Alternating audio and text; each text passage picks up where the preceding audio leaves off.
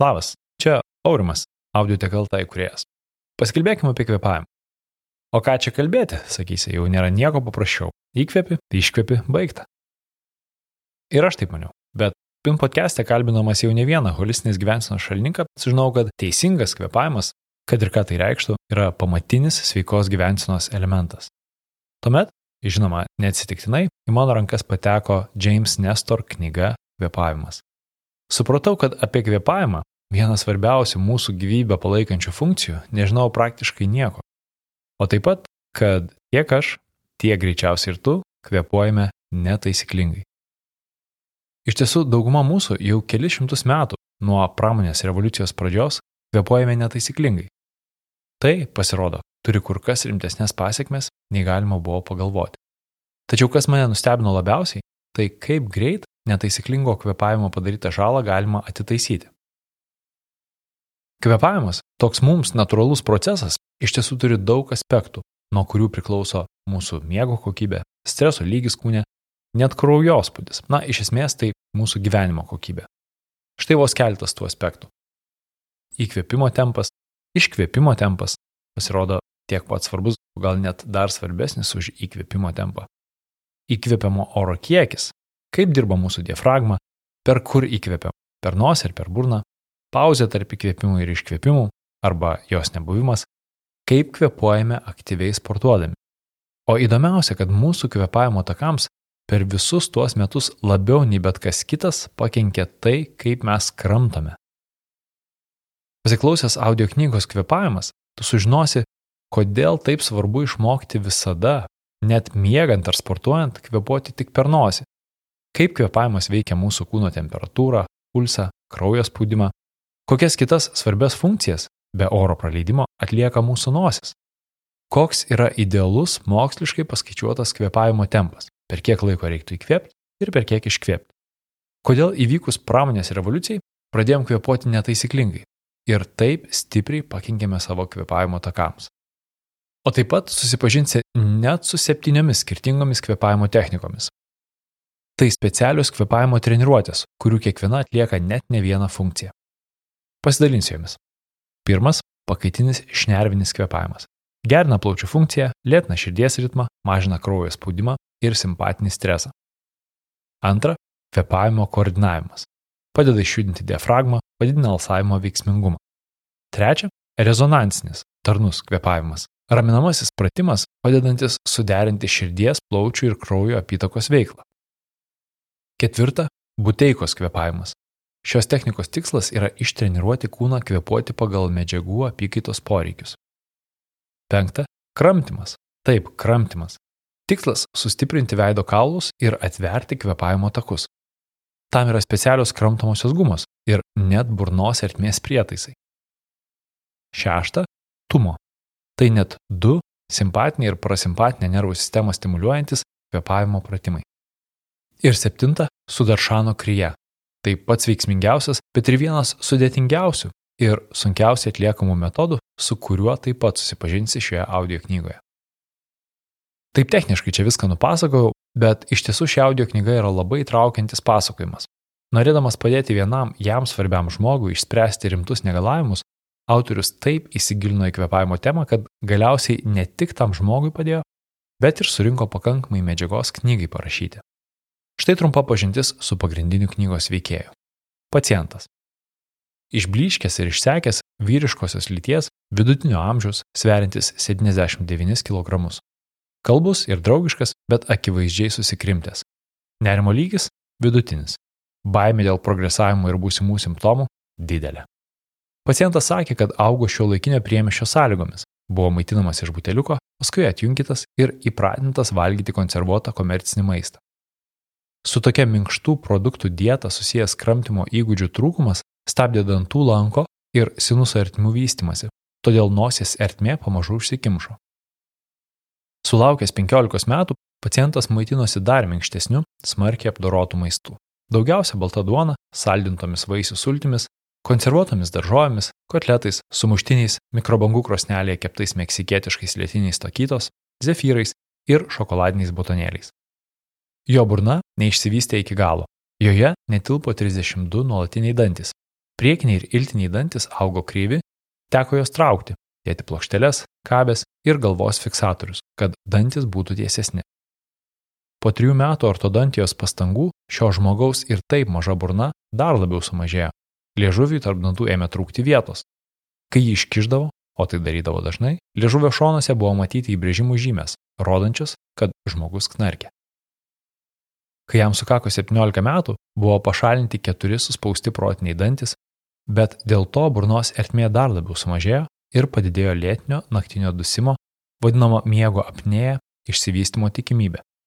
Peržengus 20 metus ir įkopus į ketvirtą dešimtmetį, kvepuoti darėsi vis sunkiau ir nepatogiau, o kvepavimo takai buvo nuolat užsikimšę. Žmogaus veidas ir toliau tyso į ilgį, todėl akis įdubo, skrostai išpurto, kakta nuožulnėjo, nosis atsikišo. Išmokęs taisyklingai kvepuoti, pacientas pasveiko. Ši knyga įtraukiantis pasakojimas, kaip tai įvyko. Visai netrukus pirmosios 30 minučių iš šios audio knygos. Trumpai apie audio knygą. Autorius James Nestor. Pavadinimas - Kvepavimas - naujas mokslas apie užmirštą meną. Skaito Simas Stankus. Trukmė - 7 val. ir 28 minutės. Nemokama ištrauka - 30 minučių. Paklausom. Audioteka LT pristato James Nestor audio knygą Kvepavimas. Iš anglų kalbos vertė Elena Macevičiūtė ir Eduardas Macevičius. Įgarsino Simas Tankus. Audioteka LT 2022. Visos teisės saugomos. Skiriama KS. Perdodant kvėpavimą, įkvėpimas turi būti visiškas. Kai būna toks, jis pasidaro labai talpus. Kai pasidaro toks, jis gali būti išplėstas. Kai išsiplečia, gali įsiskverbti gilyn. Kai įsiskverbia gilyn, gali nurimti ir įsitvirtinti. Kai ramiai įsitvirtina, yra galingas ir tvirtas. Kai yra toks, jis gali pakilti, kai kyla auga, kai auga veržiasi aukštyn. Kai veržiasi aukštyn pasiekia pakaušį. Slaptoji apvaizdos gale kyla aukštyn, slaptoji žemės gale leidžiasi žemyn.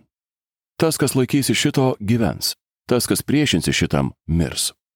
500 metų prieš Kristų Kinijos Džau imperatorių dinastijos laikų įrašas akmenyje. Įvadas. Vieta atrodė lyg būtų perkelta iš Amitvilio košmaro. Duris nusilaupusiais dažais, apdulkėję langai, grėsmingi šešėliai mėnesienoje.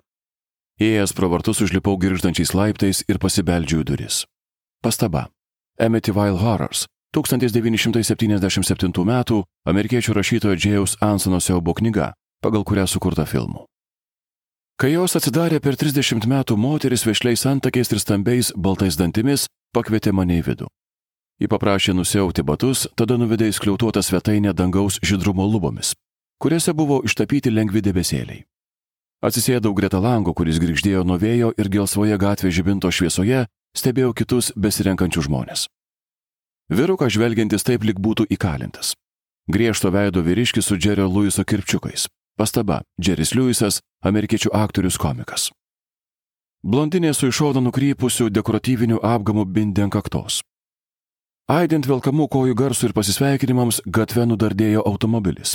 Plėždamas popierinius lėktuvėlius, neišvengiama anų laikų giesmė. Pastaba - Paper Planes - daina iš 2007 m. britų filmo Lušnino milijonierius. Nusijuosiau diržą, atsisegiau viršutinę džinsų sagą ir įsitaisiau.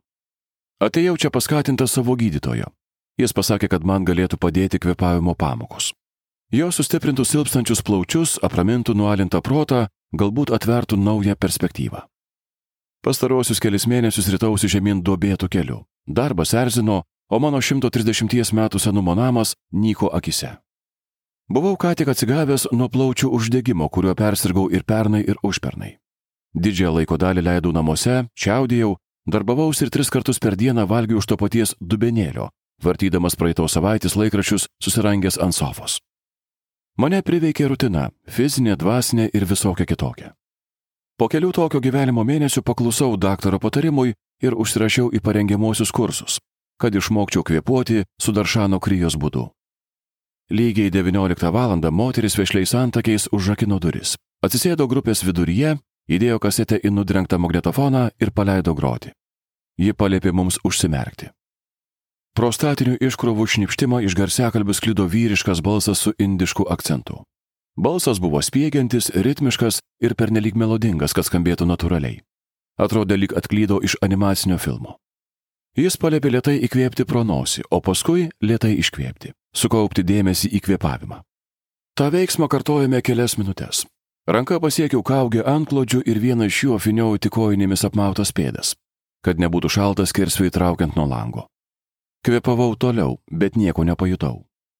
Jokia ramuma manęs neužplūdo, jokia įtampa net leido įstempusi raumenų. Visiškai nieko nenutiko. Praėjo dešimt, o gal dvidešimt minučių. Ėmiau nekantrauti ir keiksnuoti save, kad leidžiu vakarą kvėpuodamas dulkėtų orų ir sėdėdamas ant grindų Viktorijos laikų name. Atsimerkiau ir apsižvalgiau, visi buvo niūrus ir nuobodžiavo. Atrodė, kad kalinio žvilgsnis užmygo, Džeris Luisas atsipalaidavo, Bindi sėdėjo sustingusi su češyro katino šypsena lūpose. Pagalvojau, kad reikėtų atsistoti ir išeiti, bet nenorėjau pasirodyti nemandagus. Sesija buvo nemokama, instruktorė ją vedė veltui. Turėjau gerbti jos pastangas. Todėl dar kartą užsimerkiau, stipriau susisukau į apklotą ir kvepavau toliau. O paskui kažkas atsitiko. Net nesuvokiu, kad vyksta tam tikras virsmas. Nebuvo taip, kad atsipalaiduoju arba kad įkyrių minčių spiečiaus nebelieka galvoje. Tik atrodė, kad esu perkeltas iš vienos vietos į kitą. Tai nutiko akimirksniu.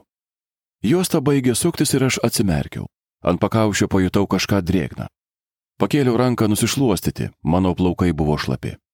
Delnu perbraukiau veidą, akis peršėjo nuo prakaito, jaučiau drusko skonį ant lūpų.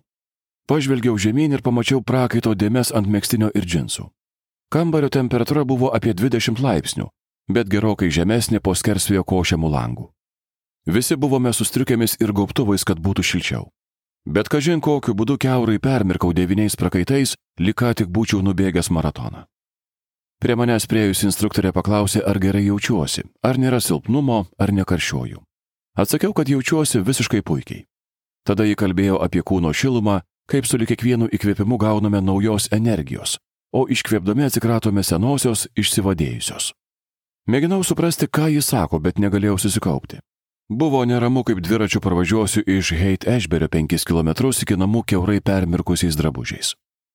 Kitą dieną pasijutau gerokai smagiau. Kaip ir buvo sakoma skelbime, po ilgo laiko jaučiausi ramus ir patenkintas. Miegojau gerai. Gyvenimo mažmožiai nebe taip smarkiai ersino. Pečiai ir sprandas atsileido. Pojūčiai dingo tik po kelių dienų. Taigi, kas atsitiko iš tikrųjų? Kaip valandos pasisėdėjimas kvepuojant, sukryžiavus kojas nejaukiame kambaryje, sukėlė tokią stiprią reakciją. Kitą savaitę grįžau į kvepavimo pamokas. Tie patys pojūčiai tik mažiau prakaito.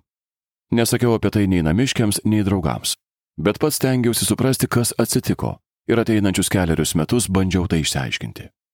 Per tuos metus susiremontavau namą, atsikračiau depresijos ir radau užuomenų galinčių duoti atsakymą į kai kuriuos mane dominančius klausimus, susijusius su kvepavimu. Nuvykau į Graikiją, kad parašyčiau pasakojimą apie laisvai giluminį nardymą, senovinį būdą nerti kelių šimtų metrų gelmes, įkvėpus tik gurkšnių oro.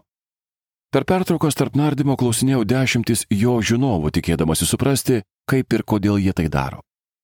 Norėjau sužinoti, kaip nieko neišsiskirianti žmonės, programuotojai, reklamos specialistai, biologai ir gydytojai Ištreniravo savo kūną taip, kad galėtų apsėti be oro iki 12 minučių ir panerti gerokai giliau, negu įsivaizdavo mokslininkai. Dauguma žmonių panėrusių į baseiną 3 metrus po kelių sekundžių iškyla užgultomis ausimis.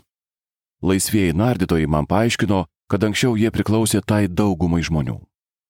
Jie pasikeitė treniruodamėsi, pratino savo plaučius dirbti vis sunkiau, atskleisti tokias galimybės, apie kurias kiti nė nenutuokia tvirtino esantis neipatingi. Bet kuris normalus sveikas žmogus pasiryžęs aukoti valandas, gali panerti į 30, 60 ar net 90 metrų gilį. Visiškai nesvarbu jūsų amžius, svoris ar genetinis paveldas. Kad laisvai nardytum, sakė jie, pakanka įvaldyti kvepavimo meną. Kvepavimas nėra jiems nevalingas veiksmas ar tai, ką jie daro įprastai. Tai jėga, vaistas ir įrankis, kurio jie gali įgauti beveik ant gamtiškų galių.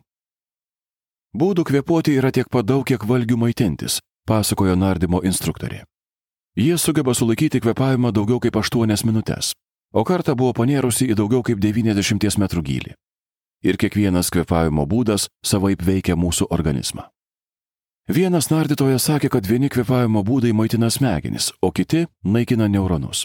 Vieni teikia sveikatos, kiti priartina mirtį.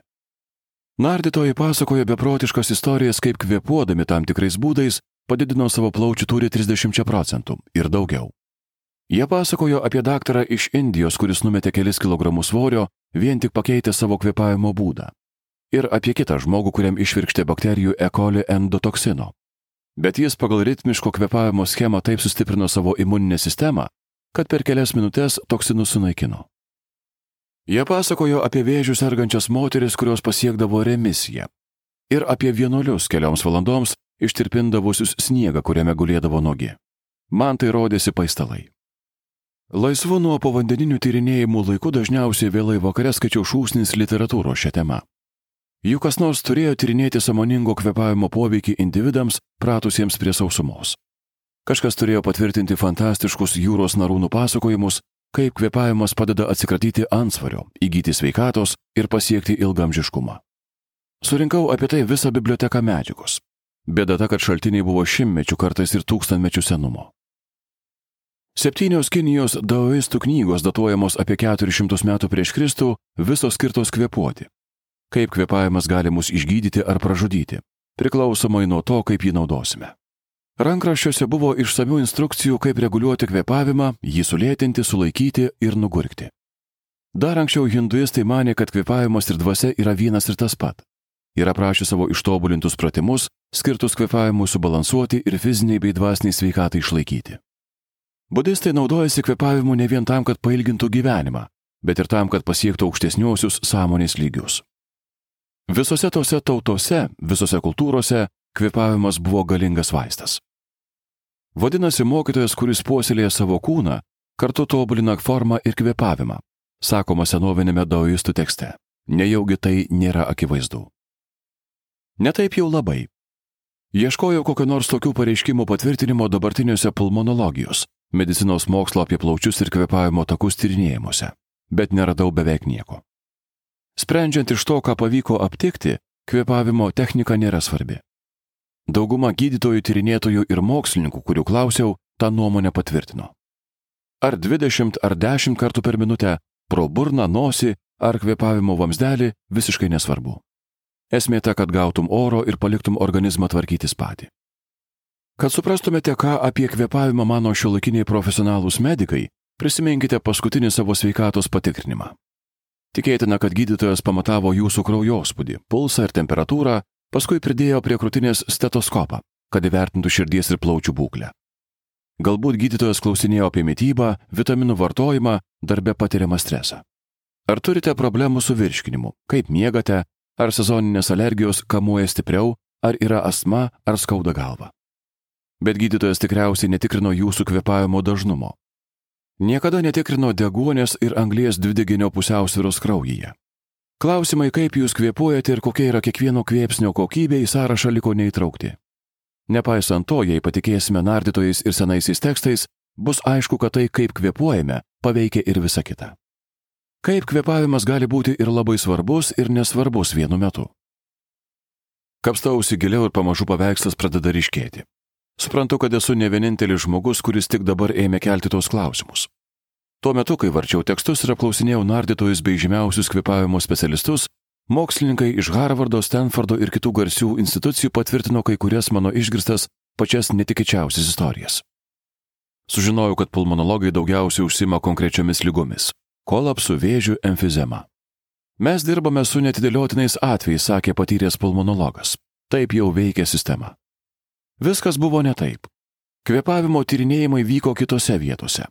Dumblinuose senovės kapavičių kasinėjimo zonose, odontologų kabineto krėsluose ir vata išmuštose beprotnamių palatose. Anaip tol ne ten, kur manytume vykstant pažangiausius biologinių funkcijų tyrimus. Tik mažuma tų mokslininkų ruošiasi tyrinėti kvepavimą, bet kažkaip ir kažkokiu būdu juos pačius rado kvepavimas. Jie nustatė, kad mūsų gebėjimas kvepuoti keitėsi per ilgus žmogaus evoliucijos procesus ir kad šis gebėjimas gerokai pablogėjo prasidėjus pramoniniam amžiui. Tyrėjai nustatė, kad 90 procentų iš mūsų, tarp jų aš, jūs ir beveik visi jūsų pažįstami, kvepuojame netinkamai, taip esmingai papildydami ir apsunkindami lėtinių lygų sąrašą. Kalbant pozityviai, kai kurie tyrimai parodė, kad šiuolaikiniai negalavimai - asma, nerimas, dėmesio stoka, hiperaktyvumas, psorezė ir daugybė kitų - gali būti palengvinti arba visai išgydyti pakeitus būdus, kaip įkvepiame ir iškvepiame. Šie tyrimai paneigė nuo seno įsišaknyjusias vakarų medicinos mokslo tiesas. Kvepavimas skirtingais būdais gali paveikti kūno svorį ir bendrą sveikatos būklę. Iš tiesų tai, kaip kvepuojame, veikia mūsų plaučių apimti ir funkcijas. Kvepavimas leidžia mums įsilaužti savo pačių nervų sistemą, kontroliuoti imuninę sistemą ir susigražinti sveikatą. Kvepavimo būdo pakeitimas gali pailginti mūsų amžių. Nesvarbu, kiek valgome, kaip treniruojamės, kokie tvarūs yra mūsų genai, kokie liekni, jauni ar išmintingi esame, visa tai neturės reikšmės, kol nepradėsime taisyklingai kvepuoti.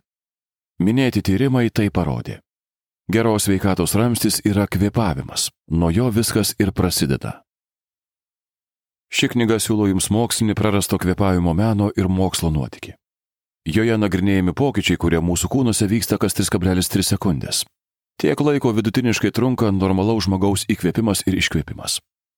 Knygoje paaiškinama, kaip milijardų milijardai molekulių, kurias įtraukėme su kiekvienu įkvėpimu, sukūrė mūsų kaulus, raumenų skaidulas, kraują, smegenis ir vidaus organus.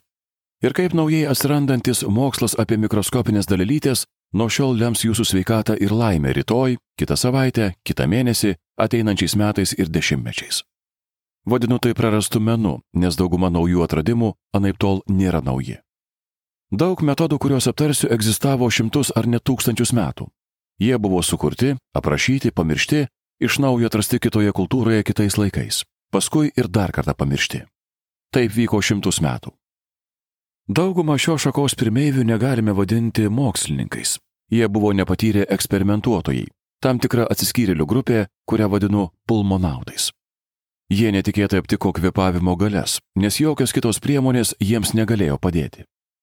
Tarp jų buvo Junktinė Amerikos valstybių pilietinio karo chirurgai, prancūzų kirpėjai, anarchistai operos dainininkai, Indijos mystikai, irzlus plaukimo treneriai, rūstus ukrainiečių chirurgai, Čekoslovakijos olimpiečiai ir Šiaurės Karolinos chorvedžiai. Mažai kas iš tų pulmonautų pasiekė šlovę ar pripažinimą dar būdami gyvi, o po mirties jų tyrimai buvo užmiršti ir išsklaidyti. Dar įdomiau buvo sužinoti, kaip pastaraisiais metais jų metodai iš naujo atrasti, moksliškai išbandyti ir patvirtinti. Dėl šių kitado šaltinių dažnai užmirštų tyrimų dabar iš naujo apibrėžiamas žmogaus kūno potencialas. Vis dėlto, kodėl man reikia mokytis kvepuoti, juk kvepuoju visą savo gyvenimą? Šis klausimas, kurį jūs galbūt užduodate dabar, man kilo nuo pat tyrinėjimų pradžios. Savo nelaimį mes manome, kad kvepavimas yra pasyvus veiksmas. Tai, ką paprasčiausiai darome - kvepuoji gyveni, nustoji kvepuoti miršti. Tačiau kvepavimas nėra dualus. Kuo labiau domėjausi šiuo dalyku, tuo geriau ėmiau suprasti šią pagrindinę mintį. Kaip ir dauguma suaugusių žmonių per gyvenimą kentėjau nuo kvepavimo keliamų problemų.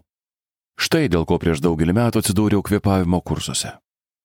Kaip ir nemažai žmonių supratau, kaip menkai gelbsti koks nors vaistas nuo alergijos, inhalatorius, maisto papildų mišnys ir dieta. Galiausiai naujoji pulmonautų karta pasiūlė man išgyjimą ir kai ką nepalyginti daugiau. Išklausyti visą knygą nuo čia iki pabaigos vidutiniu greičiu klausančiam žmogui prireiks maždaug 10 tūkstančių įkvėpimų. Jei tinkamai atlikau savo darbą, nuo dabar su kiekvienu įkvėpimu jūs išsameu suprasite kvepavimą ir geriausius jo būdus. 20 kartų per minutę, 10 kartų per minutę pro burną, nosį ar vamsdelį. Anaip tol nėra vienas ir tas pats. Kaip kvepuojame yra iš tiesų svarbu. Ties tūkstantojų įkvėpimu suprasite, kodėl šio laikiniai žmonės yra vienintelė gyvūnų rūšis, kuriai laikui bėgant išgenda dantis. Ir kaip tai siejasi su kvepavimu. Sužinosite, kaip mūsų gebėjimas kvepuoti nyko per praėjusius amžius ir kodėl urviniai mūsų protėviai neknarkdavo. Susipažinsite su dviem vidutinio amžiaus vyriškiais, kurie 20 dienų kamavosi Stanfordo universitete, atlikdami naujovišką ir mazochistišką tyrimą, kad patikrintų seną įsitikinimą, jo kanalai, pro kuriuos kvepuojame, burna ar nosis, neturi reikšmės. Sužinosite tai, kas gali sugriauti jūsų dienos ir nakties ritmą, ypač jeigu knarkite. Bet po dar kelių kvėptelėjimų atrasite vaistus.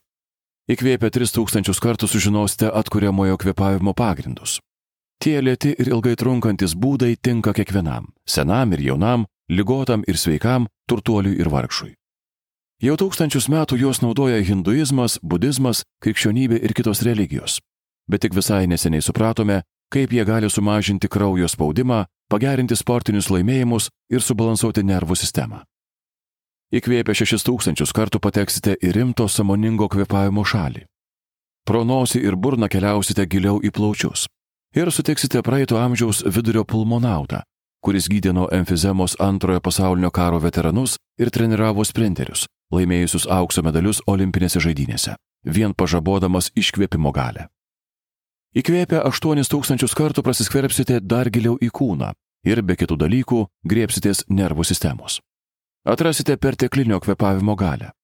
Suteiksite pulmonautus, kurie pasitelkia kvepavimą ištiesno skoliozės suristus stuburus, palengvino autoimuninių lygų eigą ir perkaisdavo nulinėje temperatūroje. Viso to negali būti, bet pamatysite, kad vis dėlto taip yra. Pakeliui mokysiuosi ir aš mėgindama suprasti, kasgi man nutiko tame Viktorijos laikų name prieš dešimtmetį. Įkvėpę dešimt tūkstančių kartų ir prieš užbaigdami šią knygą jau žinosime, kaip į plaučius patenkantis oras paveikia kiekvieną gyvenimo akimirką ir kaip jį pažaboti, kad išnaudotume visą kvėpavimo potencialą iki pat paskutinio kvėptelėjimo. Ši knyga yra apie daugybę dalykų - evoliuciją, medicinos istoriją, biochemiją, fiziologiją, fiziką, sportinę ištvermę ir dar apie daugą. Bet visų pirma, ji yra apie jūs. Didžiųjų skaičių dėsnis byloja, kad per savo gyvenimą jūs įkvėpėte 670 milijonų kartų. Gal pusę to jau panaudojate. Gal jūs jau įkvėpėte 669 milijonus kartų. Bet gal dar norite gauti kelis papildomus milijonus. Kvėpavimas. Pirma dalis - eksperimentas. Pirmas skyrius. Blogiausi kvepuotojai gyvūnijos karalystėje. Išbliškęs ir išsekęs pacientas atvyko ryte 9.32. Vyriškosios lyties vidutinio amžiaus sverintis 79 kg. Kalbus ir draugiškas, bet akivaizdžiai susikrimtis. Jokių skundų, nerimo lygis vidutinis. Baimė dėl progresavimo ir būsimų simptomų didelė. Pacientas sakė, kad augo šio laikinio priemešio sąlygomis, buvo maitinamas iš buteliuko, paskui atjunkytas ir įpratintas valgyti konservuotą komercinį maistą. Su tokia minkštų produktų dieta susijęs kramtimo įgūdžių trūkumas stabdė dantų lanko ir sinusų ertmių vystimasi, todėl nosies ertmė pamažu užsikimšo. Sulaukęs 15 metų pacientas maitinosi dar minkštesniu smarkiai apdorotų maistu. Daugiausia balta duona, saldintomis vaisių sultimis, konservuotomis daržovėmis, kotletais, sumuštiniais, mikrobangų krosnelėje keptais meksikietiškais lietiniais takitos, zefyrais ir šokoladiniais batonėliais. Jo burna neišsivystė iki galo. Joje netilpo 32 nuolatiniai dantis. Priekiniai ir iltiniai dantis augo kreivi, teko juos traukti, dėti plokšteles, kabes ir galvos fiksatorius, kad dantis būtų tiesesni. Po trejų metų ortodontijos pastangų šio žmogaus ir taip maža burna dar labiau sumažėjo. Liežuviui tarp dantų ėmė trūkti vietos. Kai jį iškiždavo, o tai darydavo dažnai, Liežuvio šonuose buvo matyti įbrėžimų žymės, rodančios, kad žmogus knarkia. Kai jam sukako 17 metų, buvo pašalinti keturi suspausti protiniai dantis. Bet dėl to burnos ertmė dar labiau sumažėjo ir padidėjo lėtinio naktinio dusimo, vadinamo miego apnėje išsivystimo tikimybė. Peržengus 20-osius metus ir įkopus į ketvirtą dešimtmetį, kvėpuoti darėsi vis sunkiau ir nepatogiau, o kvėpavimo takai buvo nuolat užsikimšę. Žmogaus veidas ir toliau tyso į ilgį, todėl akis įdubo, skruostai išpurto, kakta nuožulnėjo, nosis atsikišo. Deja, ši atrofuota neišsivyščiusi burna, gerklė ir kaukolė yra mano. Stanfordo universiteto otolaringologijos fakulteto galvos ir kaklo chirurgijos centre guliu tyrimų krėsle ir žvelgiu į save, į savo vidų. Šias kelias minutės daktaras Džeikaras Najakas atsargiai stumė endoskopinę kamerą per mano nosį taip giliai, kad ši išlindo kitoje pusėje, mano gerklėje. Sakykite į, tarė jis. Najako plaukai juodi, vešlus, jis nešioja kvadratinius akinius, dėvi minkštus parbačius ir vilki baltą halatą. Bet nežiūriu nei jo drabužius, nei veidą.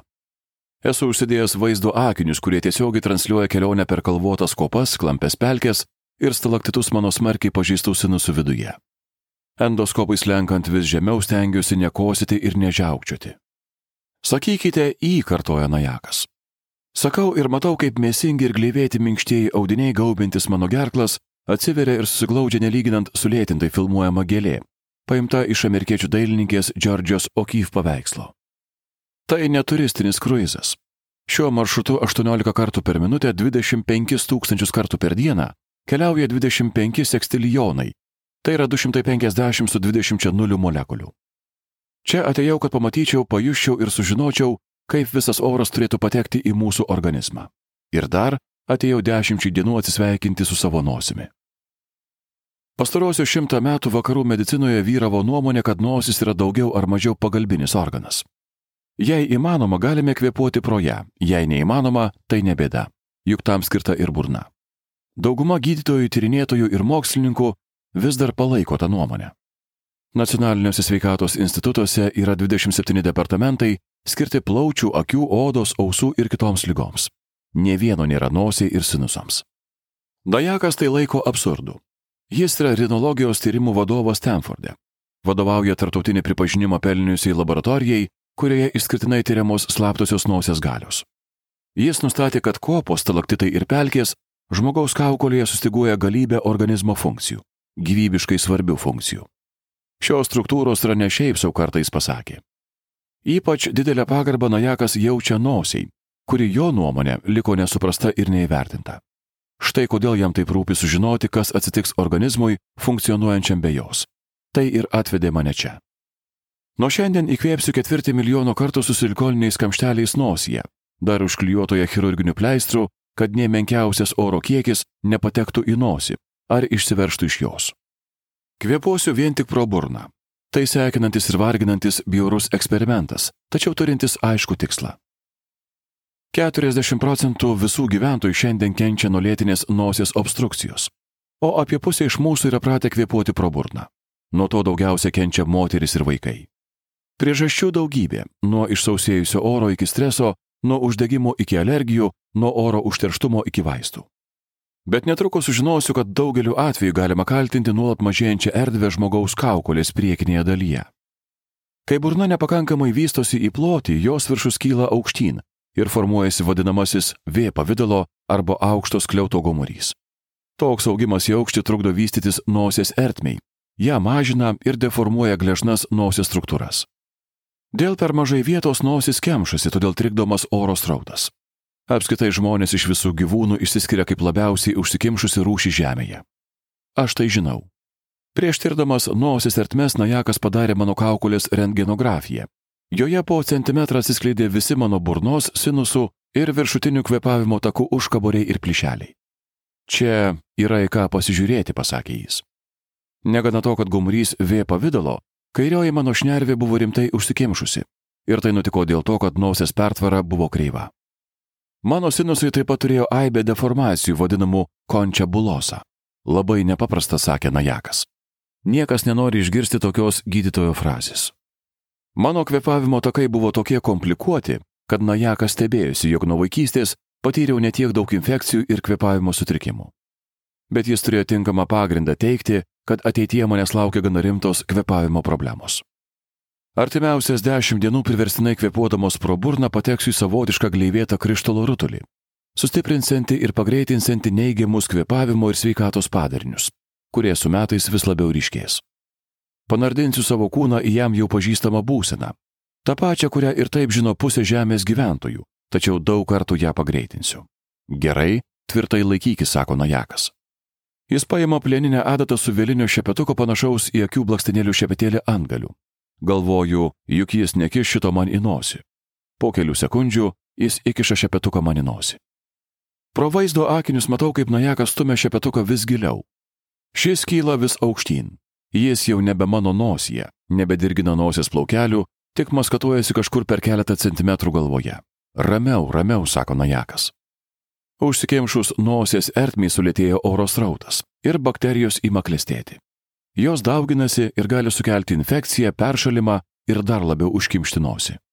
Užsikimšimas skatina užsikimšimą ir mums nelieka nieko kita, kaip įprastai kvepuoti pro burną. Niekas nežino, kaip greitai kyla ši žala. Niekas nežino, kaip greitai bakterijos renkasi pažeistoje nosies ertmėje. Najakas nori ištraukti bakterijų kultūrą iš giliausių mano nosies ertmių, kad tai suprastų. Krūpteliu pamatęs, kaip jis stumteli šepetuką dar giliau. Tada pasuka jį ir nugriebia sluoksnis kreplių. Nosies nervai pritaikyti justi švelnų oro dvelgtelėjimą ar net menkiausius oro temperatūros sviravimus, o ne plieninius šepečius. Nors nosies ertmė patepė skausmą malšinančiais vaistais, vis tiek jaučiu skausmą. Mano smegenys kankinasi nežinodamas, ką daryti ir kaip reaguoti. Tai sunku paaiškinti, bet jausmas toks, tarsi kas nors badytų adatą broli dvynį, sujungtą su manimi ir esanti kažkur už mano galvos ribų. Niekada nemanėjai, kad gyvenime išdarinėsi tokius dalykus, juokiasi Najakas ir kiša krūviną šepetuko galą į mėgintuvėlį. Jis palygins 200 tūkstančių mano sinusų lastelių su kitu mėginiu darytų prieš 10 dienų, kad nustatytų, kaip nosies užkimšimas veikia bakterijų augimą. Jis pakrato mėgintuvėlį, atiduoda jį asistentui ir mandagiai paprašo manęs nusimti vaizdo akinius ir užleisti vietą kitam pacientui. Antras pacientas atsirėmęs į langą fotografuoja telefonu. Jam 49 metai, jis tamsiai įdegęs, baltais plaukais ir smurfiškai mėlynomis akimis. Vilki švarius smėlio spalvos džinsus ir avi odiniais bateliais be kojinių. Andersas Olsonas atskrido 8000 km iš Švedijos, iš Stoholmo. Kaip ir aš, jis sukrapštė per 5000 JAV dolerių, kad galėtų dalyvauti eksperimente. Prieš kelis mėnesius ėmiau interviu iš Olsono, jį susiradau jo tinklo svetainėje. Iš pirmo žvilgsnio jie atrodė labai nepatikima. Įprasti šviesiaplaukių moterių didvyriškai pozuojančių ant kalnų viršūnių paveikslai, neoninės spalvos karšlygiškai daug šauktukų ir teksto burbuluose. Tačiau Olsonas nėra koks nors prašalaitis. Dešimt metų jis vykdė rimtus mokslinius tyrimus. Parašė dešimtis pranešimų ir išleido knygą aiškinančią kvepavimą subatominiu ir kitais lygmenimis, su nuorodomis į šimtus tyrimų. Jis taip pat tapo gerbiamiausių ir populiariausių Skandinavijos kvepavimo terapeutų, padedančių subtilės sveiko kvepavimo gale išgyti tūkstančiams pacientų. Kaip per vieną iš mūsų pokalbių Skype'ų paminėjau, kad dešimt dienų eksperimentiškai kvepuosiu pro burną, jis susigūžė. Kai paklausiau, ar nenorėtų prie manęs prisidėti, Olsonas atsakė, nenoriu, bet man smalsu. Dabar po kelių mėnesių išvargintas ilgo skrydžio, Olsonas klesteli į apžiūros krėslą, užsideda vaizdo akinius ir įkvepia pro nosį vieną iš paskutinių kartų per ateinančias 240 valandų. Najaka šalia jo sukioja plieninį endoskopą panašiai kaip sunkio metalo grupės būgnininkas valdo lasdelės. Tai buvo ištrauka iš James Nestor audio knygos Kvepavimas - naujas mokslas apie užmirštą meną. Primenu, kad su nuolaidos kodu naujiena pristatymo savaitę audio knygą gali įsigyti 30 procentų pigiau. Nuorodą į šią audio knygą rasi audio laiško aprašymę o taip pat audioteka programėlėje ar audioteka svetainėje adresu audioteka.lt. Iki greito. Aurimas.